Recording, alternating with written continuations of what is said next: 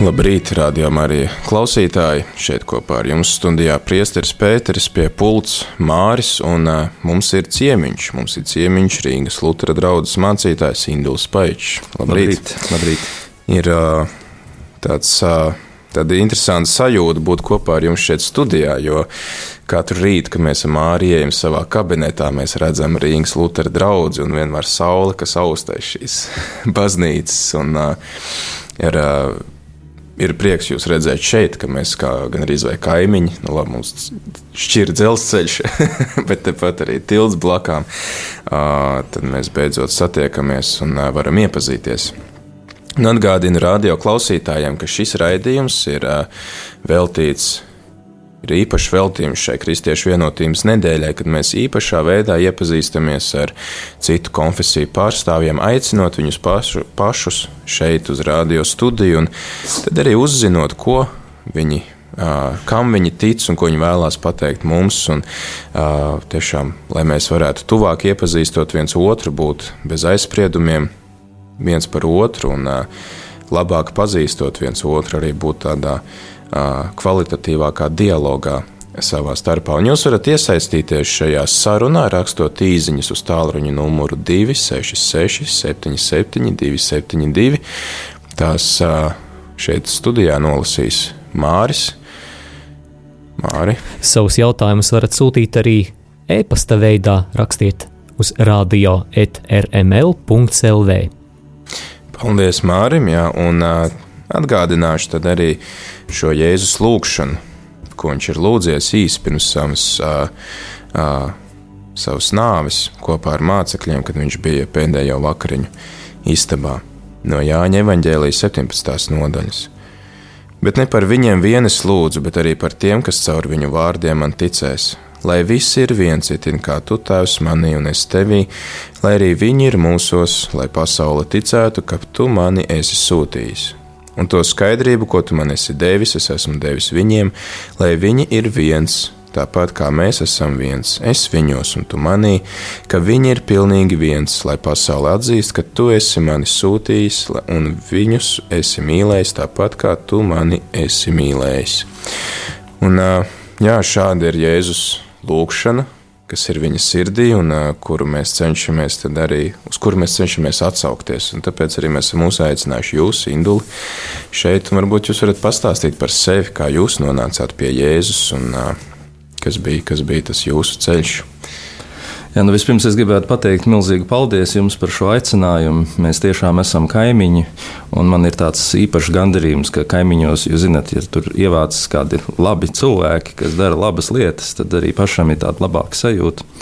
Un līdzīgi man ir sajūta arī par šo radio un par šo ieceri.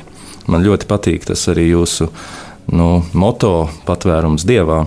Es domāju, tas ir kas mums visiem ir ļoti vajadzīgs. Un, ja tas izdodas, un ja ir kāda cilvēka, kas tajā iegulda savu sirdi, tad es domāju, tas ļoti daudziem ir par svētību. Tā kā tiešām paldies un paldies par šo uzdrošināšanos un vēlēšanos šajā nedēļā runāt par dažādām konfesijām un dažādiem skatījumiem.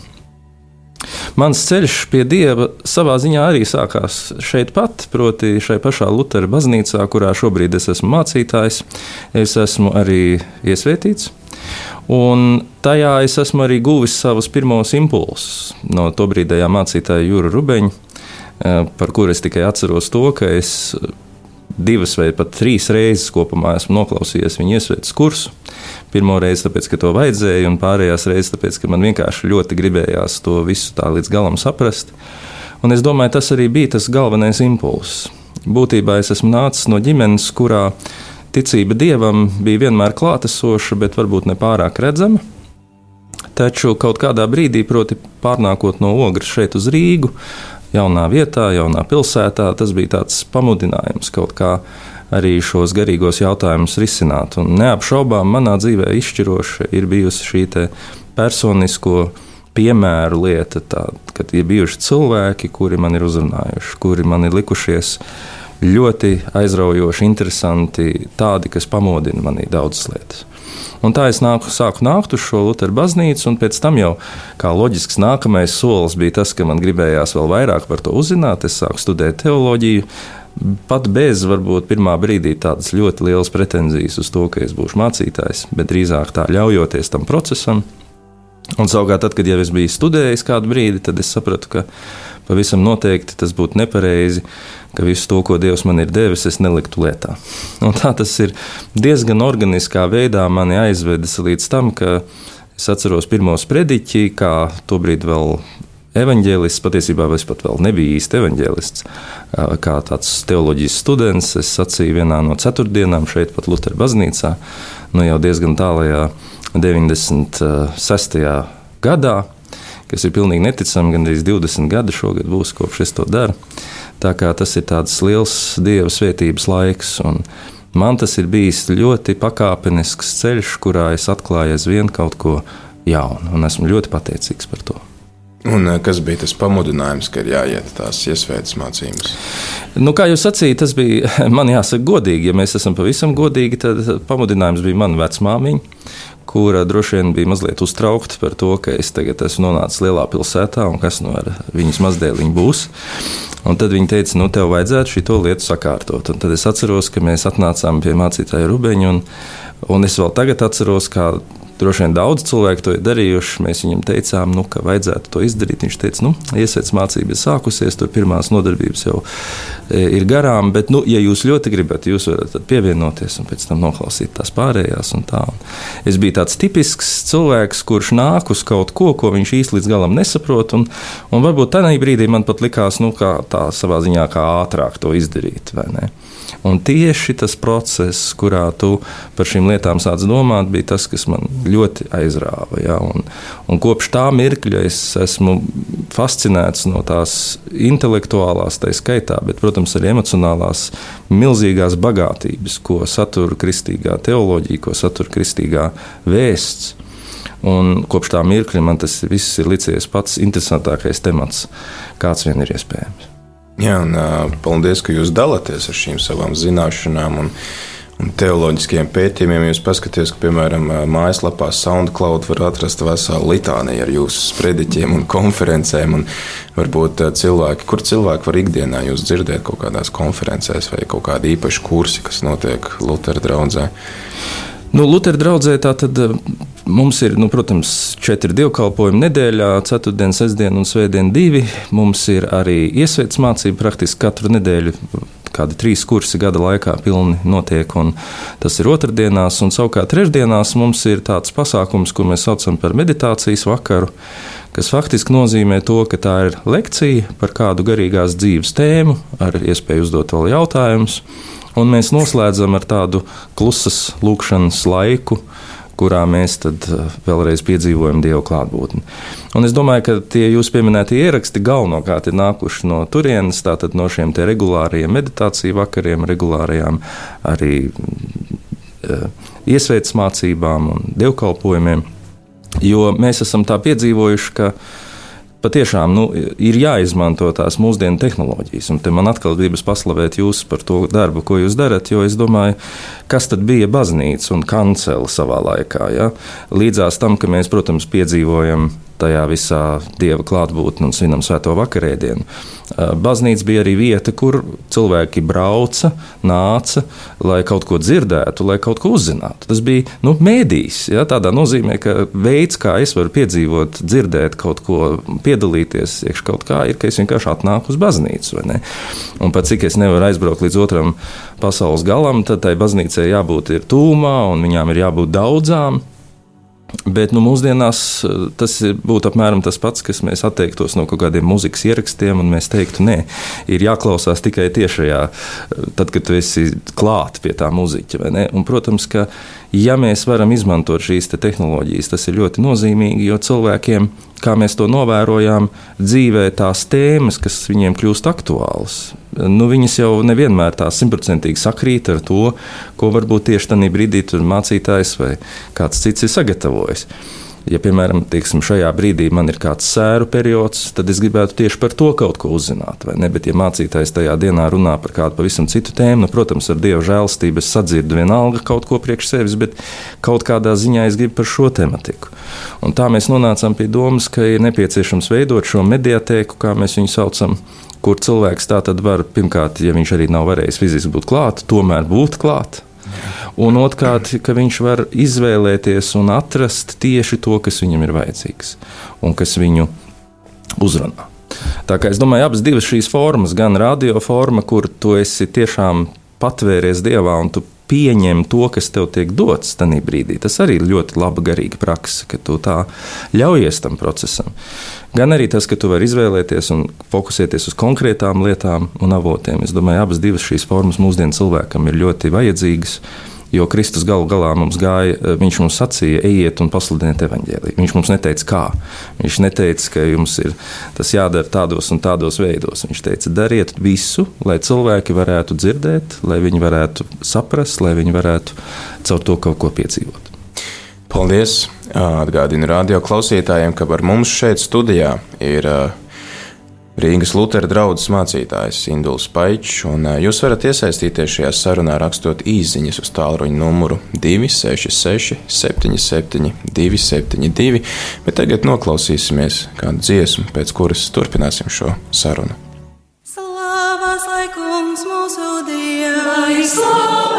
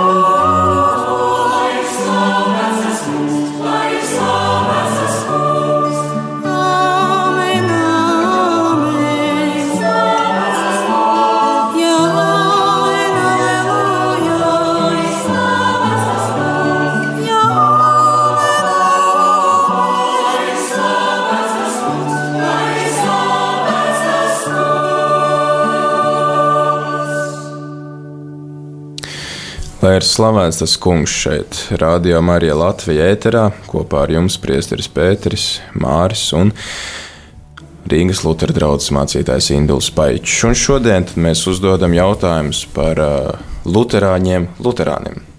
Man es tagad citēju kopš otrdienas tādu mīļu frāzi, ko mums pateica Baptistu mācītājs Edgars Mažis, ka viņiem esot, nezinu, 19. un 20. gadsimtā esot bijis buklets, kas tie tādi baptisti un ko viņi grib.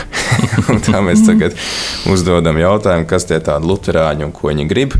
Un atgādinu uh, klausītājiem, ka jūs varat iesaistīties uh, šajā sarunā, uzdodot jautājumus, rakstot īsiņu veidā uz tālruņa numuru 266, 77, 272.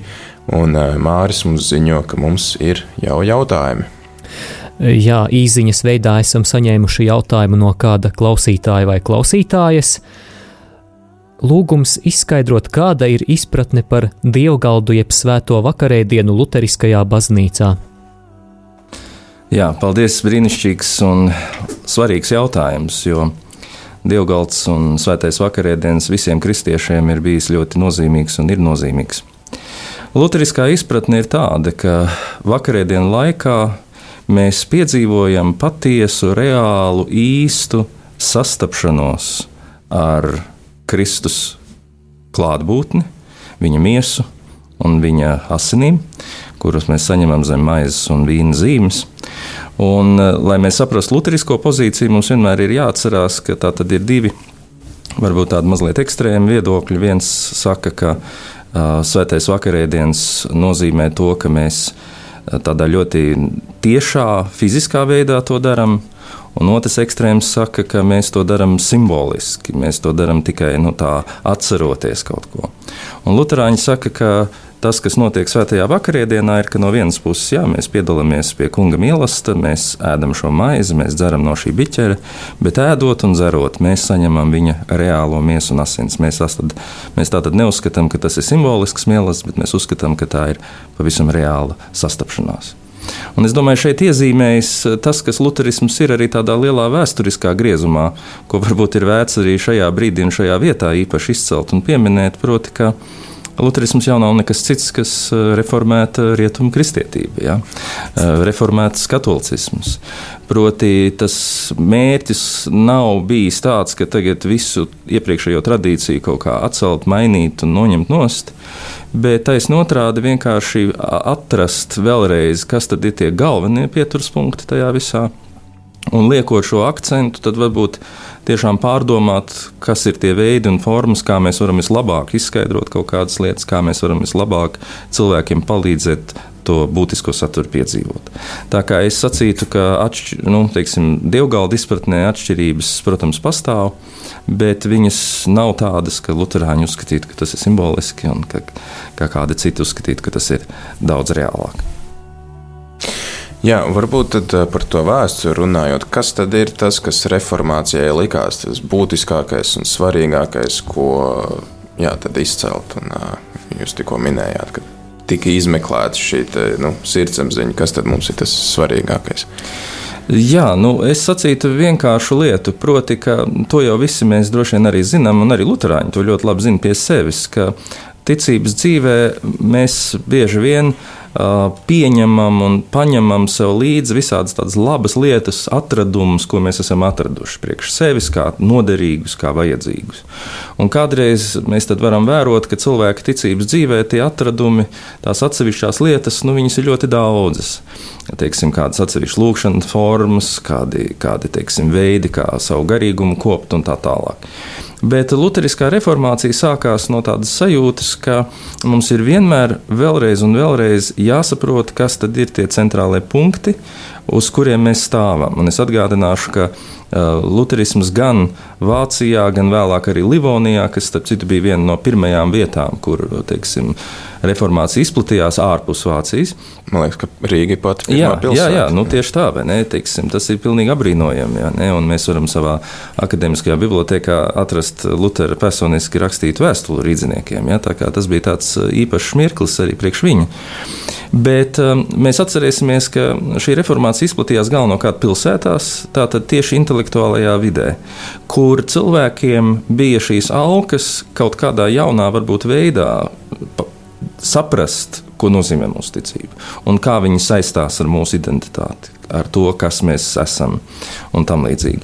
Un es domāju, ka šeit ir tas galvenais akcents viens vienīgs, proti, ka mēs ticam un apliecinam, ka evaņģēlīja būtība ir tā absolūtā dieva žēlastība, ko mēs saņemam Un šī absolūtā žēlastība nav atkarīga no, no mūsu kaut kādiem nopelniem darbiem, bet viņa ir vienkārši tīra dāvana kuru mēs pieņemam ticībā, un tieši tāpēc, ka mēs uzticamies šai žēlastībai un Dieva mīlestībai, kas ir uz mums, mēs tad varam sākt darīt daudzas labas lietas.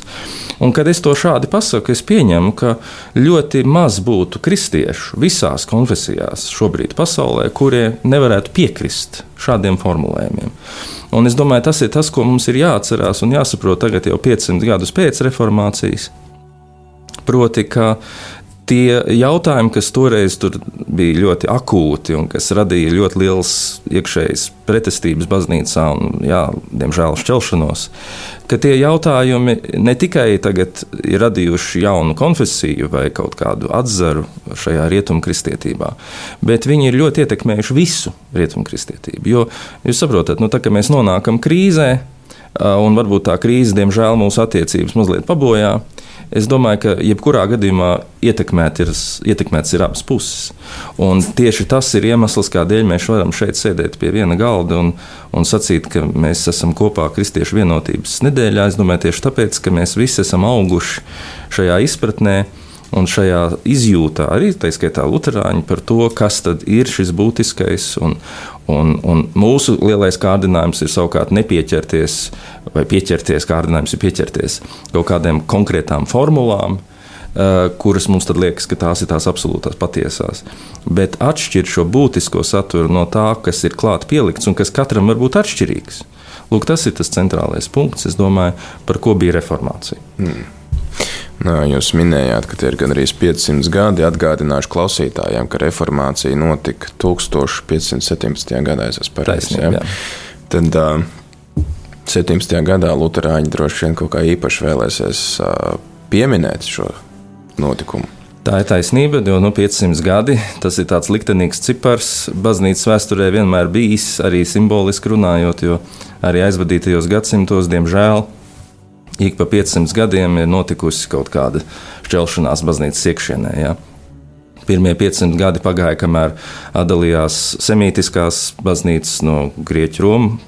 Romiešu baznīcas, kur teiksim, ortodoksālā kristietība mēģināja saprast, kas ir Kristus un, un trīsvienība, un tad apmēram 500 gados tas tika noformulēts tā līdz galam. Otrais pieturas punkts ir 1054. gads, kad sašķiļās Grieķu un Romas baznīca. Uh, un savukārt vēl pēc 500 gadiem ir reformācija, jā, 1517. gads. Tagad mums ir atkal 500 gadi. Un es domāju, tas ir tas liktenīgais, par ko mēs esam aicināti šobrīd arī lūgt šajā nedēļā.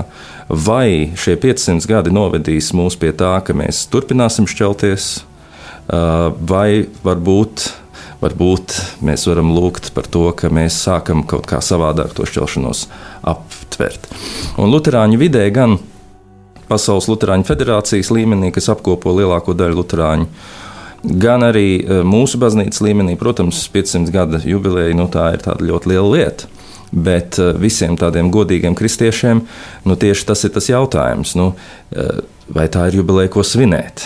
Nu, tādā nozīmē, kā mēs varam svinēt to, ka mēs esam sastrīdējušies vai palikuši katrs savā pozīcijā. Mēs varam drīzāk šīs svinības pārvērst par kaut ko pozitīvu. Un es domāju, gatavojoties tam, notiek gan teoloģiskas diskusijas un mēģinājumi kaut kā varbūt nonākt pie atkal kādiem jauniem formulējumiem un atdzīvināt mazliet ekumenisko procesu, kas dažās vietās un līmeņos mazliet ir piedzīvo tādu atsalumu. Vai arī eh, varbūt mēs varam vienkārši kaut kā koncentrējoties uz šo kristietības būtisko saturu, eh, tieši tajā sastapties. Un man liekas, tas ir tas labākais, ko mēs varam darīt. Mēs varam sacīt tā, ka tad, kad mēs dodam atbildes uz jautājumiem, tās atbildes vienmēr atšķirās. Tas būtu jocīgi, ja viņš neatšķirtos. Un atbildes mūs var ļoti sašķelt, bet tie jautājumi mūs vieno. Un tā būtu mana cerība, ka mēs varētu saprast, ka mēs esam kristieši nevis tāpēc, un nevis tādā nozīmē, ka mēs tagad zinām pareizās atbildes, bet ka mēs esam kristieši tādā nozīmē, ka mēs visi mācāmies no Kristus.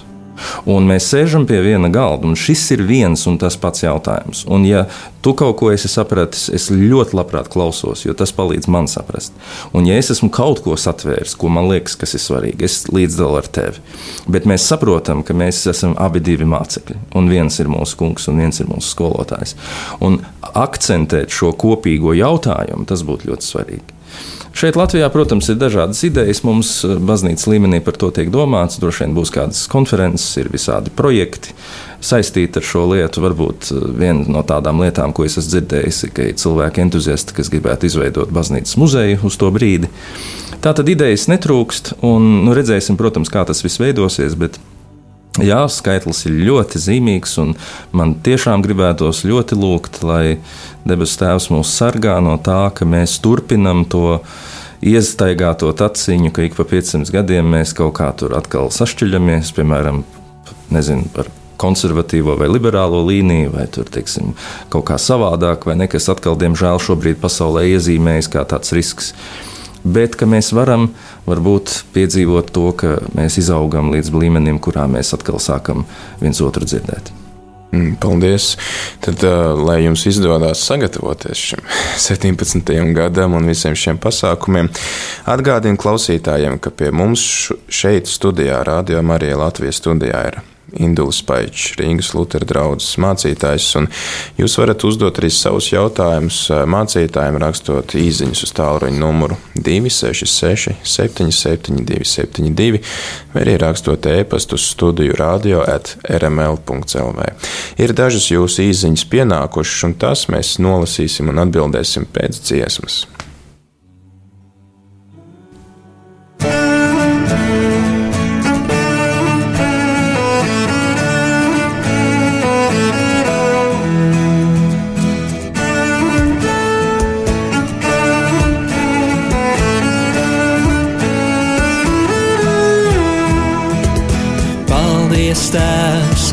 Meklēji ceļu uz manu dvēseli.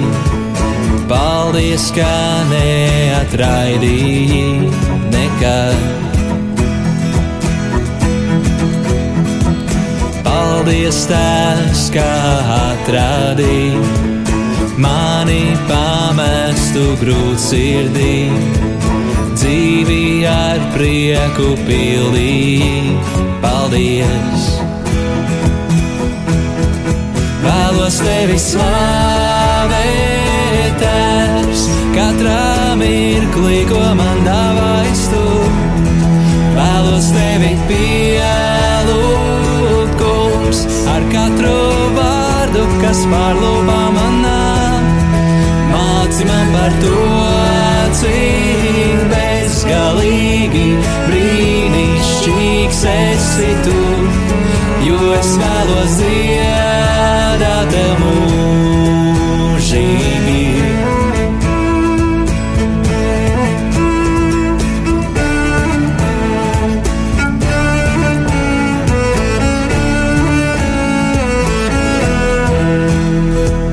Paldies, ka acis man atvērīja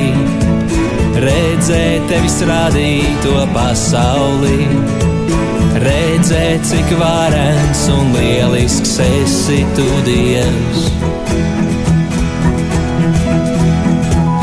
Paldies par spēku, ko dāvāji, mieru, ko pārvarēm izlēji. Paldies, ka devi ne tā kā pasaule. Vai arī tu vari palikt šeit? Jā, esam atpakaļ studijā. Varat palikt šeit kopā ar mums. Tā gan bija ziņa veltei. Tālruņa numurs īsiņām 266, 77, 272. Varat uzdot jautājumus mūsu šīs dienas viesim Indulim Paičam no Rīgas Lutera draudzes šeit pat Toņkalnā. Un mums ir jau daži jautājumi ienākuši. Jā, un, darbie radioklausītāji, mēs no sirds pateicamies par jūsu iesaistīšanos arī par šo jautājumu. Lūgums izskaidrot, eh, kāds ir Lutāņu skatījums uz celibātu. Lutāņu skatījums uz celibātu ir tas, ka tā ir dieva dāvana, tā ir ļoti liela žēlastība. Un mēs ļoti labi saprotam, ka nodzīvot visu dzīvi celibātā, tam godīgi sekojot, ir ļoti sarežģīti, tas ir liels izaicinājums. Tāpēc mēs uzskatām, ka tā ir, kā arī Kristus pats saka, kaut tā ir kāda dāvana, kas ir Dieva dota. Savukārt mēs uzskatām, ka mācītājam tas nav obligāts priekšnosacījums. Ja kāds to sajūt kā aicinājumu, tad, protams, viņš to var darīt, bet tas, mūsuprāt, nav obligāts priekšnosacījums tam. Tā droši vien ir vienīgā atšķirība. Bet mēs izturamies ar vislielāko cieņu pret pašu šo aicinājumu un šo iespēju. Tātad tādā ziņā mēs to novērtējam kā tādu lielu upuri. Vienīgais, ko vēl gribu teikt, ka, piemēram, nodzīvot savukārt visu dzīvi monogāmā laulībā, esot tam uzticīgam, droši vien ir arī ne. Nu, neteiksim, ne mazāks, bet nu, katrā ziņā tas arī ir pietiekami liels izaicinājums. Tā kā šādā ziņā mūs visus Dievs aicina uz lielu vērību, uzmanību un askēzi. Es pat atļaušos teikt šajā jautājumā. Un ir arī Lutāņu vidē mācītāji, kas ir bez sievām. Jā, tāda izņēmuma ir. Un, un mēs vēlreiz sacīšu, teiksim, ka tas ir viņu individuālais ceļš, un tā ir viņu iespēja tā izvēlēties to darīt mums vairs nav jautājumu, tad atgādinu klausītājiem, ka jūs varat rakstīt īsiņas uz tālruņa numuru 266, 77, 272, vai arī rakstīt e-pastu uz radio atrml.clv. Jautājums tālāk, tad, kāda ir Lutāņu vīzija par šo vienotību? Jo vakar arī šajā ekumeniskajā dievkalpojumā bija Lutāņi, un kāda ir Kāds ir tas mērķis, vai, vai kas varbūt ir tie kopīgie pamati, uz kuriem jūs redzat, ka jūs varat būvēt šo, šo ekumēnismu, šīs savstarpējās attiecības ar citiem kristiešiem? Mm.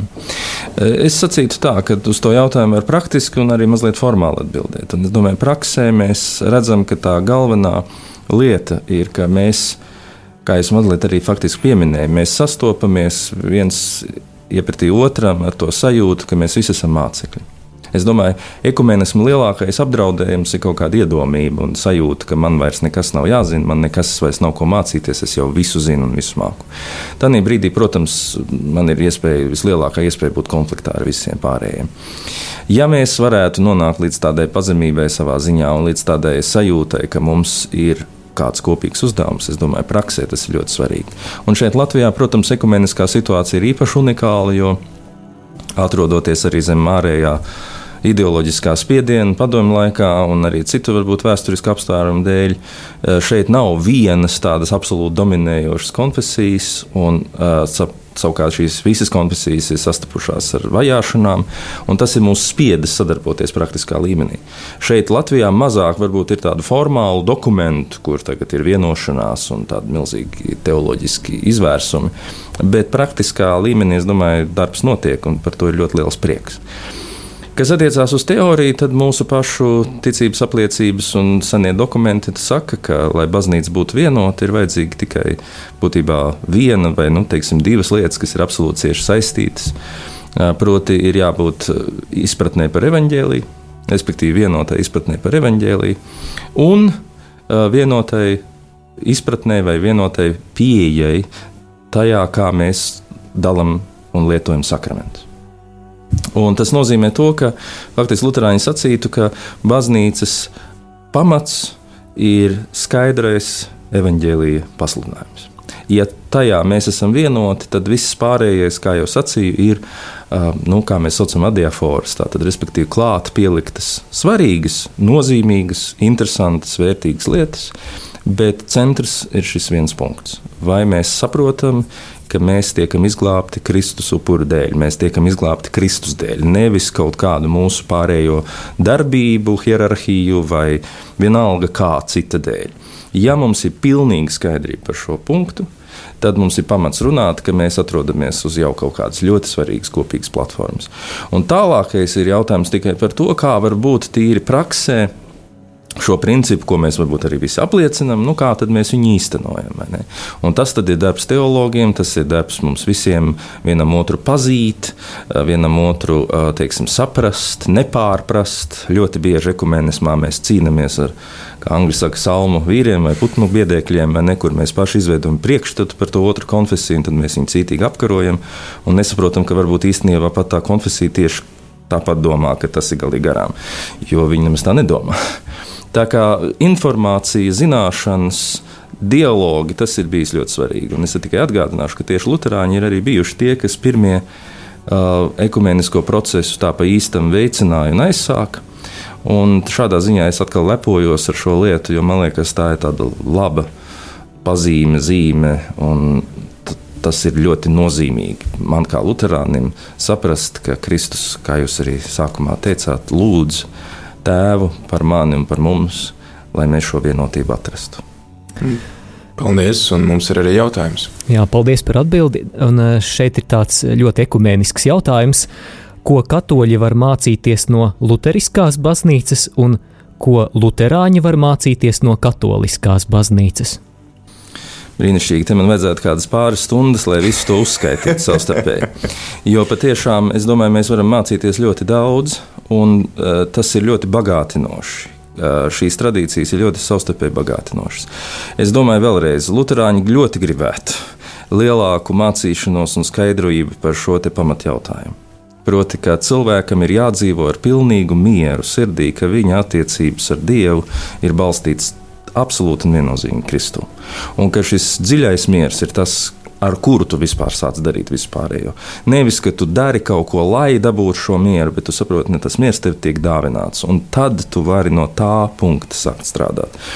Es domāju, ka ko vēl var mācīties nosacīt no Lutāņiem, ir tas, ka Kā jau arī pieminēju, viņi ir bijuši, mēs esam bijuši oriģināli šī pilsētnieku universitāšu kustība. Lai gan es domāju, te jau daudz kas ir noticis.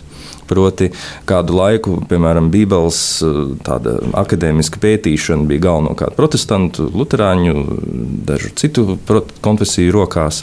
Eh, Katoliskā baznīca varbūt skatījās mazliet savādāk uz tām lietām, bet es šobrīd redzu, ka pētījumi, kas nāk no katoliskās vidas, ir pārsnieguši jau faktiski protestantisko pētījumu skaitu. Tas nozīmē, ka tā mācīšanās notiek.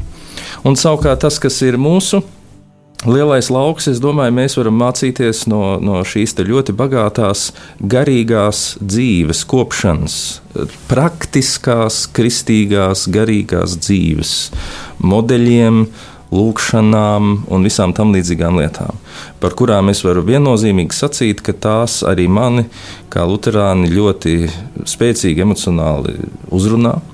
Un tāpēc arī, piemēram, šobrīd Latvijas evanģēlas Lutheriskajā baznīcā ļoti populāri ir teiksim, ignāciskā garīguma uh, strāva vai, vai, vai kādas citas lietas, kuras mēs neapšaubāmi pārņemam no uh, katoliskās tradīcijas, no katoliskās konfesijas un vidas. Un es domāju, ka intelektuāliem cilvēkiem vienmēr pietrūkst tās sirds, un viņiem ir jāattīsta šis aspekts, un savukārt varbūt otrādi tas, kur teiksim, tā sirds ir, tur atkal varbūt ir vajadzīgs vairāk mācīties tās intelektuālās lietas. Bet, kā jau es sacīju, mūsdienu pasaulē man vispār liekas, nu, ka tas dalījums nav tik strikts. Lai mēs tagad varētu tā sacīt, nu, ka mums tagad mēs esam intelektuāļi, un jūs nē, vai ka otrādi mēs tie sirdscilvēki. Es domāju, mēs visi saprotam, ka laiks ir tāds, kas no katra kristieša prasa maksimālu nu, atdevi. Un šādā nozīmē mēs mācāmies visi viens no otra.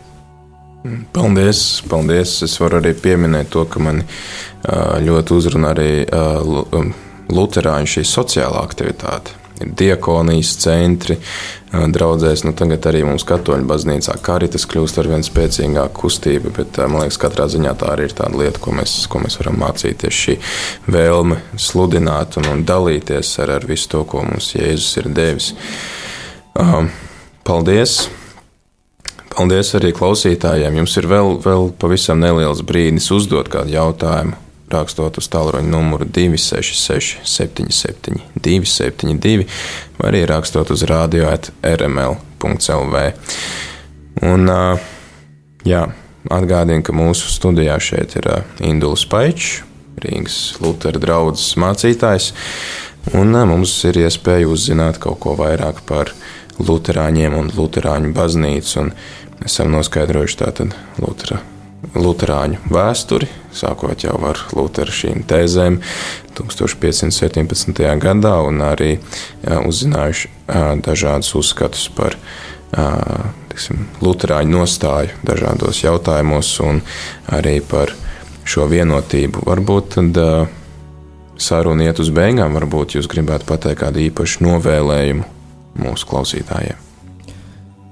Jā, nu es vēlreiz sacīšu, ka šī nedēļa un šī lūkšana nedēļa, šī doma par to, ka mums ir jālūdz par mūsu spēju citam citu saprast. Uh, es domāju, ka tā, ko ir svarīgi redzēt, tā nav tāda ideja vai klāta pielikta lieta, kur mēs varētu teikt, nu, es esmu kristietis, bet man tas ekumenisms tā nepārāk interesē. Bet tā ir lieta, kas pieder pie pašas kristīgās ticības ka Kristus ir nācis un mūsu visdažādākos cilvēkus pulcinājis. Atcerieties, kā viņš sēdēja pie viena galda ar visdažādākiem cilvēkiem un runāja un pārvērta viņu dzīves. Un es domāju, mans galvenais vēlējums šeit, Latvijā, kristiešiem, ir, ka mēs pieaugtu šajā spējā mierīgi, godīgi, patiesi citam citu redzēt, bez bailēm, bez aizspriedumiem. Un līdz ar to patiešām būt pateicīgi Dievam par to, cik dažādu Viņš šo pasauli radījis. Ka tāpat kā nav divu vienādu koku un nav divu vienādu cilvēku, tā droši vien arī nav iespējams mums visiem būt pilnīgi vienādiem kaut kādās ārējās formās. Mums ir jānovērtē mūsu tradīcija, bet vienlaikus mums ir jābūt ļoti pateicīgiem par to, ka mēs varam caur saviem brāļiem un māsām ieraudzīt, varbūt paši pie sevis saprast kaut ko, ko mēs nevarētu, ja mēs būtu vieni paši. Tā kā tā ir tāda milzīga privilēģija, un es vēlreiz teikšu, būt patiesam ekumenistam, manuprāt, nozīmē būt patiesam Kristus māceklim. Un lai mēs visi tajā augam, to gribētu uznovēlēt. Paldies, paldies par šo novēlējumu. Tad arī pēdējais jautājums. Jā, bet pirms pēdējā jautājuma es vēlos arī nolasīt kādu klausītāja liecību, ko esam saņēmuši slavēts Jēzus Kristus. Padomjies sabrukuma laikā biju dziļā depresijā, Tagad saprotu, ka jau toreiz biju lielā kristiešu vienotībā, jo lūdzos uz svēto garu, ar aizrautību klausījos par radio mācītāju Jāni Vanagu un Juri Rubeni, un pēc iespējām gāju uz grēksūdzi, pieņēmu komuniju, jo esmu katoliete. Slava kungam! Bet, bet jautājums, ko esam saņēmuši, ir šāds. Luterāņiem ir divi riti. Viens no tiem ir kopija paste no Romas katoļu baznīcas. Kurš rits ir izplatītāks, A vai B? Kā jau sacīju, Lutāņi ir reformēta katoļu baznīca, un tas nozīmē, ka tas rits, ko jūs saucat par kopiju paste, Uh, droši vien ir viens no senākajiem, kas ir ticis lietots arī Lutāņu baznīcā. Vēlākajos gadsimtos tas ir ticis mainīts, Un man jāsaka, ka šobrīd, es domāju, uz šo brīdi mūsu baznīcā dievkalpojumu kārtības ļoti daudzās baznīcās būs aizvien līdzīgākas arī pēc savas ārējās formas. Tā senajai kārtībai, kas ir, es teiktu, tā nevis katoļu, bet kas ir vispār rietumu baznīcas dievkalpojumu kārtība. Un šādā nozīmē protams, eh, vēl ar vienu abas šīs formas pastāv, bet eh, tieši liturģijas ziņā pēdējos gados, pateicoties arī mūsu arhibīskapa tādām īpašām varbūt, rūpēm un interesēm šai ziņā, šī liturģiskā izpratne ir ļoti attīstījusies un ļoti daudzās baznīcās dievkalpojumi kļūst līdzīgi tam, kā tas ir bijis arī Lutheriskajās baznīcās aizvadītajos gadsimteņos. Mm, paldies par šo atbildi. Tagad pavisam, pavisam noslēdzot šo, šo raidījumu. Uh, Edgars Mažis runāja par tādu uh, pārdaugavas brālību. Jūs varbūt varētu paskaidrot. Nu, tā tas tiešām ir, ka Āgens kalns un Turņa kalns ir bijuši līdzās, un pa vidam ir bijusi lūk, šeit katoļu baznīca un draudzene. Es domāju, tā atkal ir tāda liela žēlastība, ka aizvadītajos gados ir izdevies šiem kontaktiem izveidoties. Un šīs trīs draudzes bija tās galvenās, kas to veidoja. Tagad mazliet mēs tā kā esam nosacīti paplašinājušies. Bet tas vienkārši nozīmē to, ka mēs kā mācītāji vai priesteri nākam kopā ar zināmu regularitāti, lai vienkārši pabūtu kopā. Un no tā, manuprāt, izaug vislabākie rezultāti. Ja? Mums nav pretenzijas kādam kaut ko pārliecināt vai kādam kaut ko uzspiest. Vienkārši pazīt un saprast vēlreiz, mēs ejam līdzi vienam kungam. Katram ir savs uzdevums, katram ir savs spējas, bet mūsu kungs ir viens, un tā ir liela žēlstība. Tad, lai turpinās šī pārdāvāta brālība un pārtop par, par visas Latvijas brālību un visas pasaules brālību. Paldies! Paldies, Induli, jums, ka atradāt laiku atnākt šeit pie mums, un paldies arī par labu vēlējumiem mūsu klausītājiem. Un arī jums, klausītāji, paldies par uh, dalību šajā sarunā. Paldies par jūsu jautājumiem, paldies, ka klausāties mūs un paliekat kopā ar mums arī turpmāk. Lai jums jauka šī diena!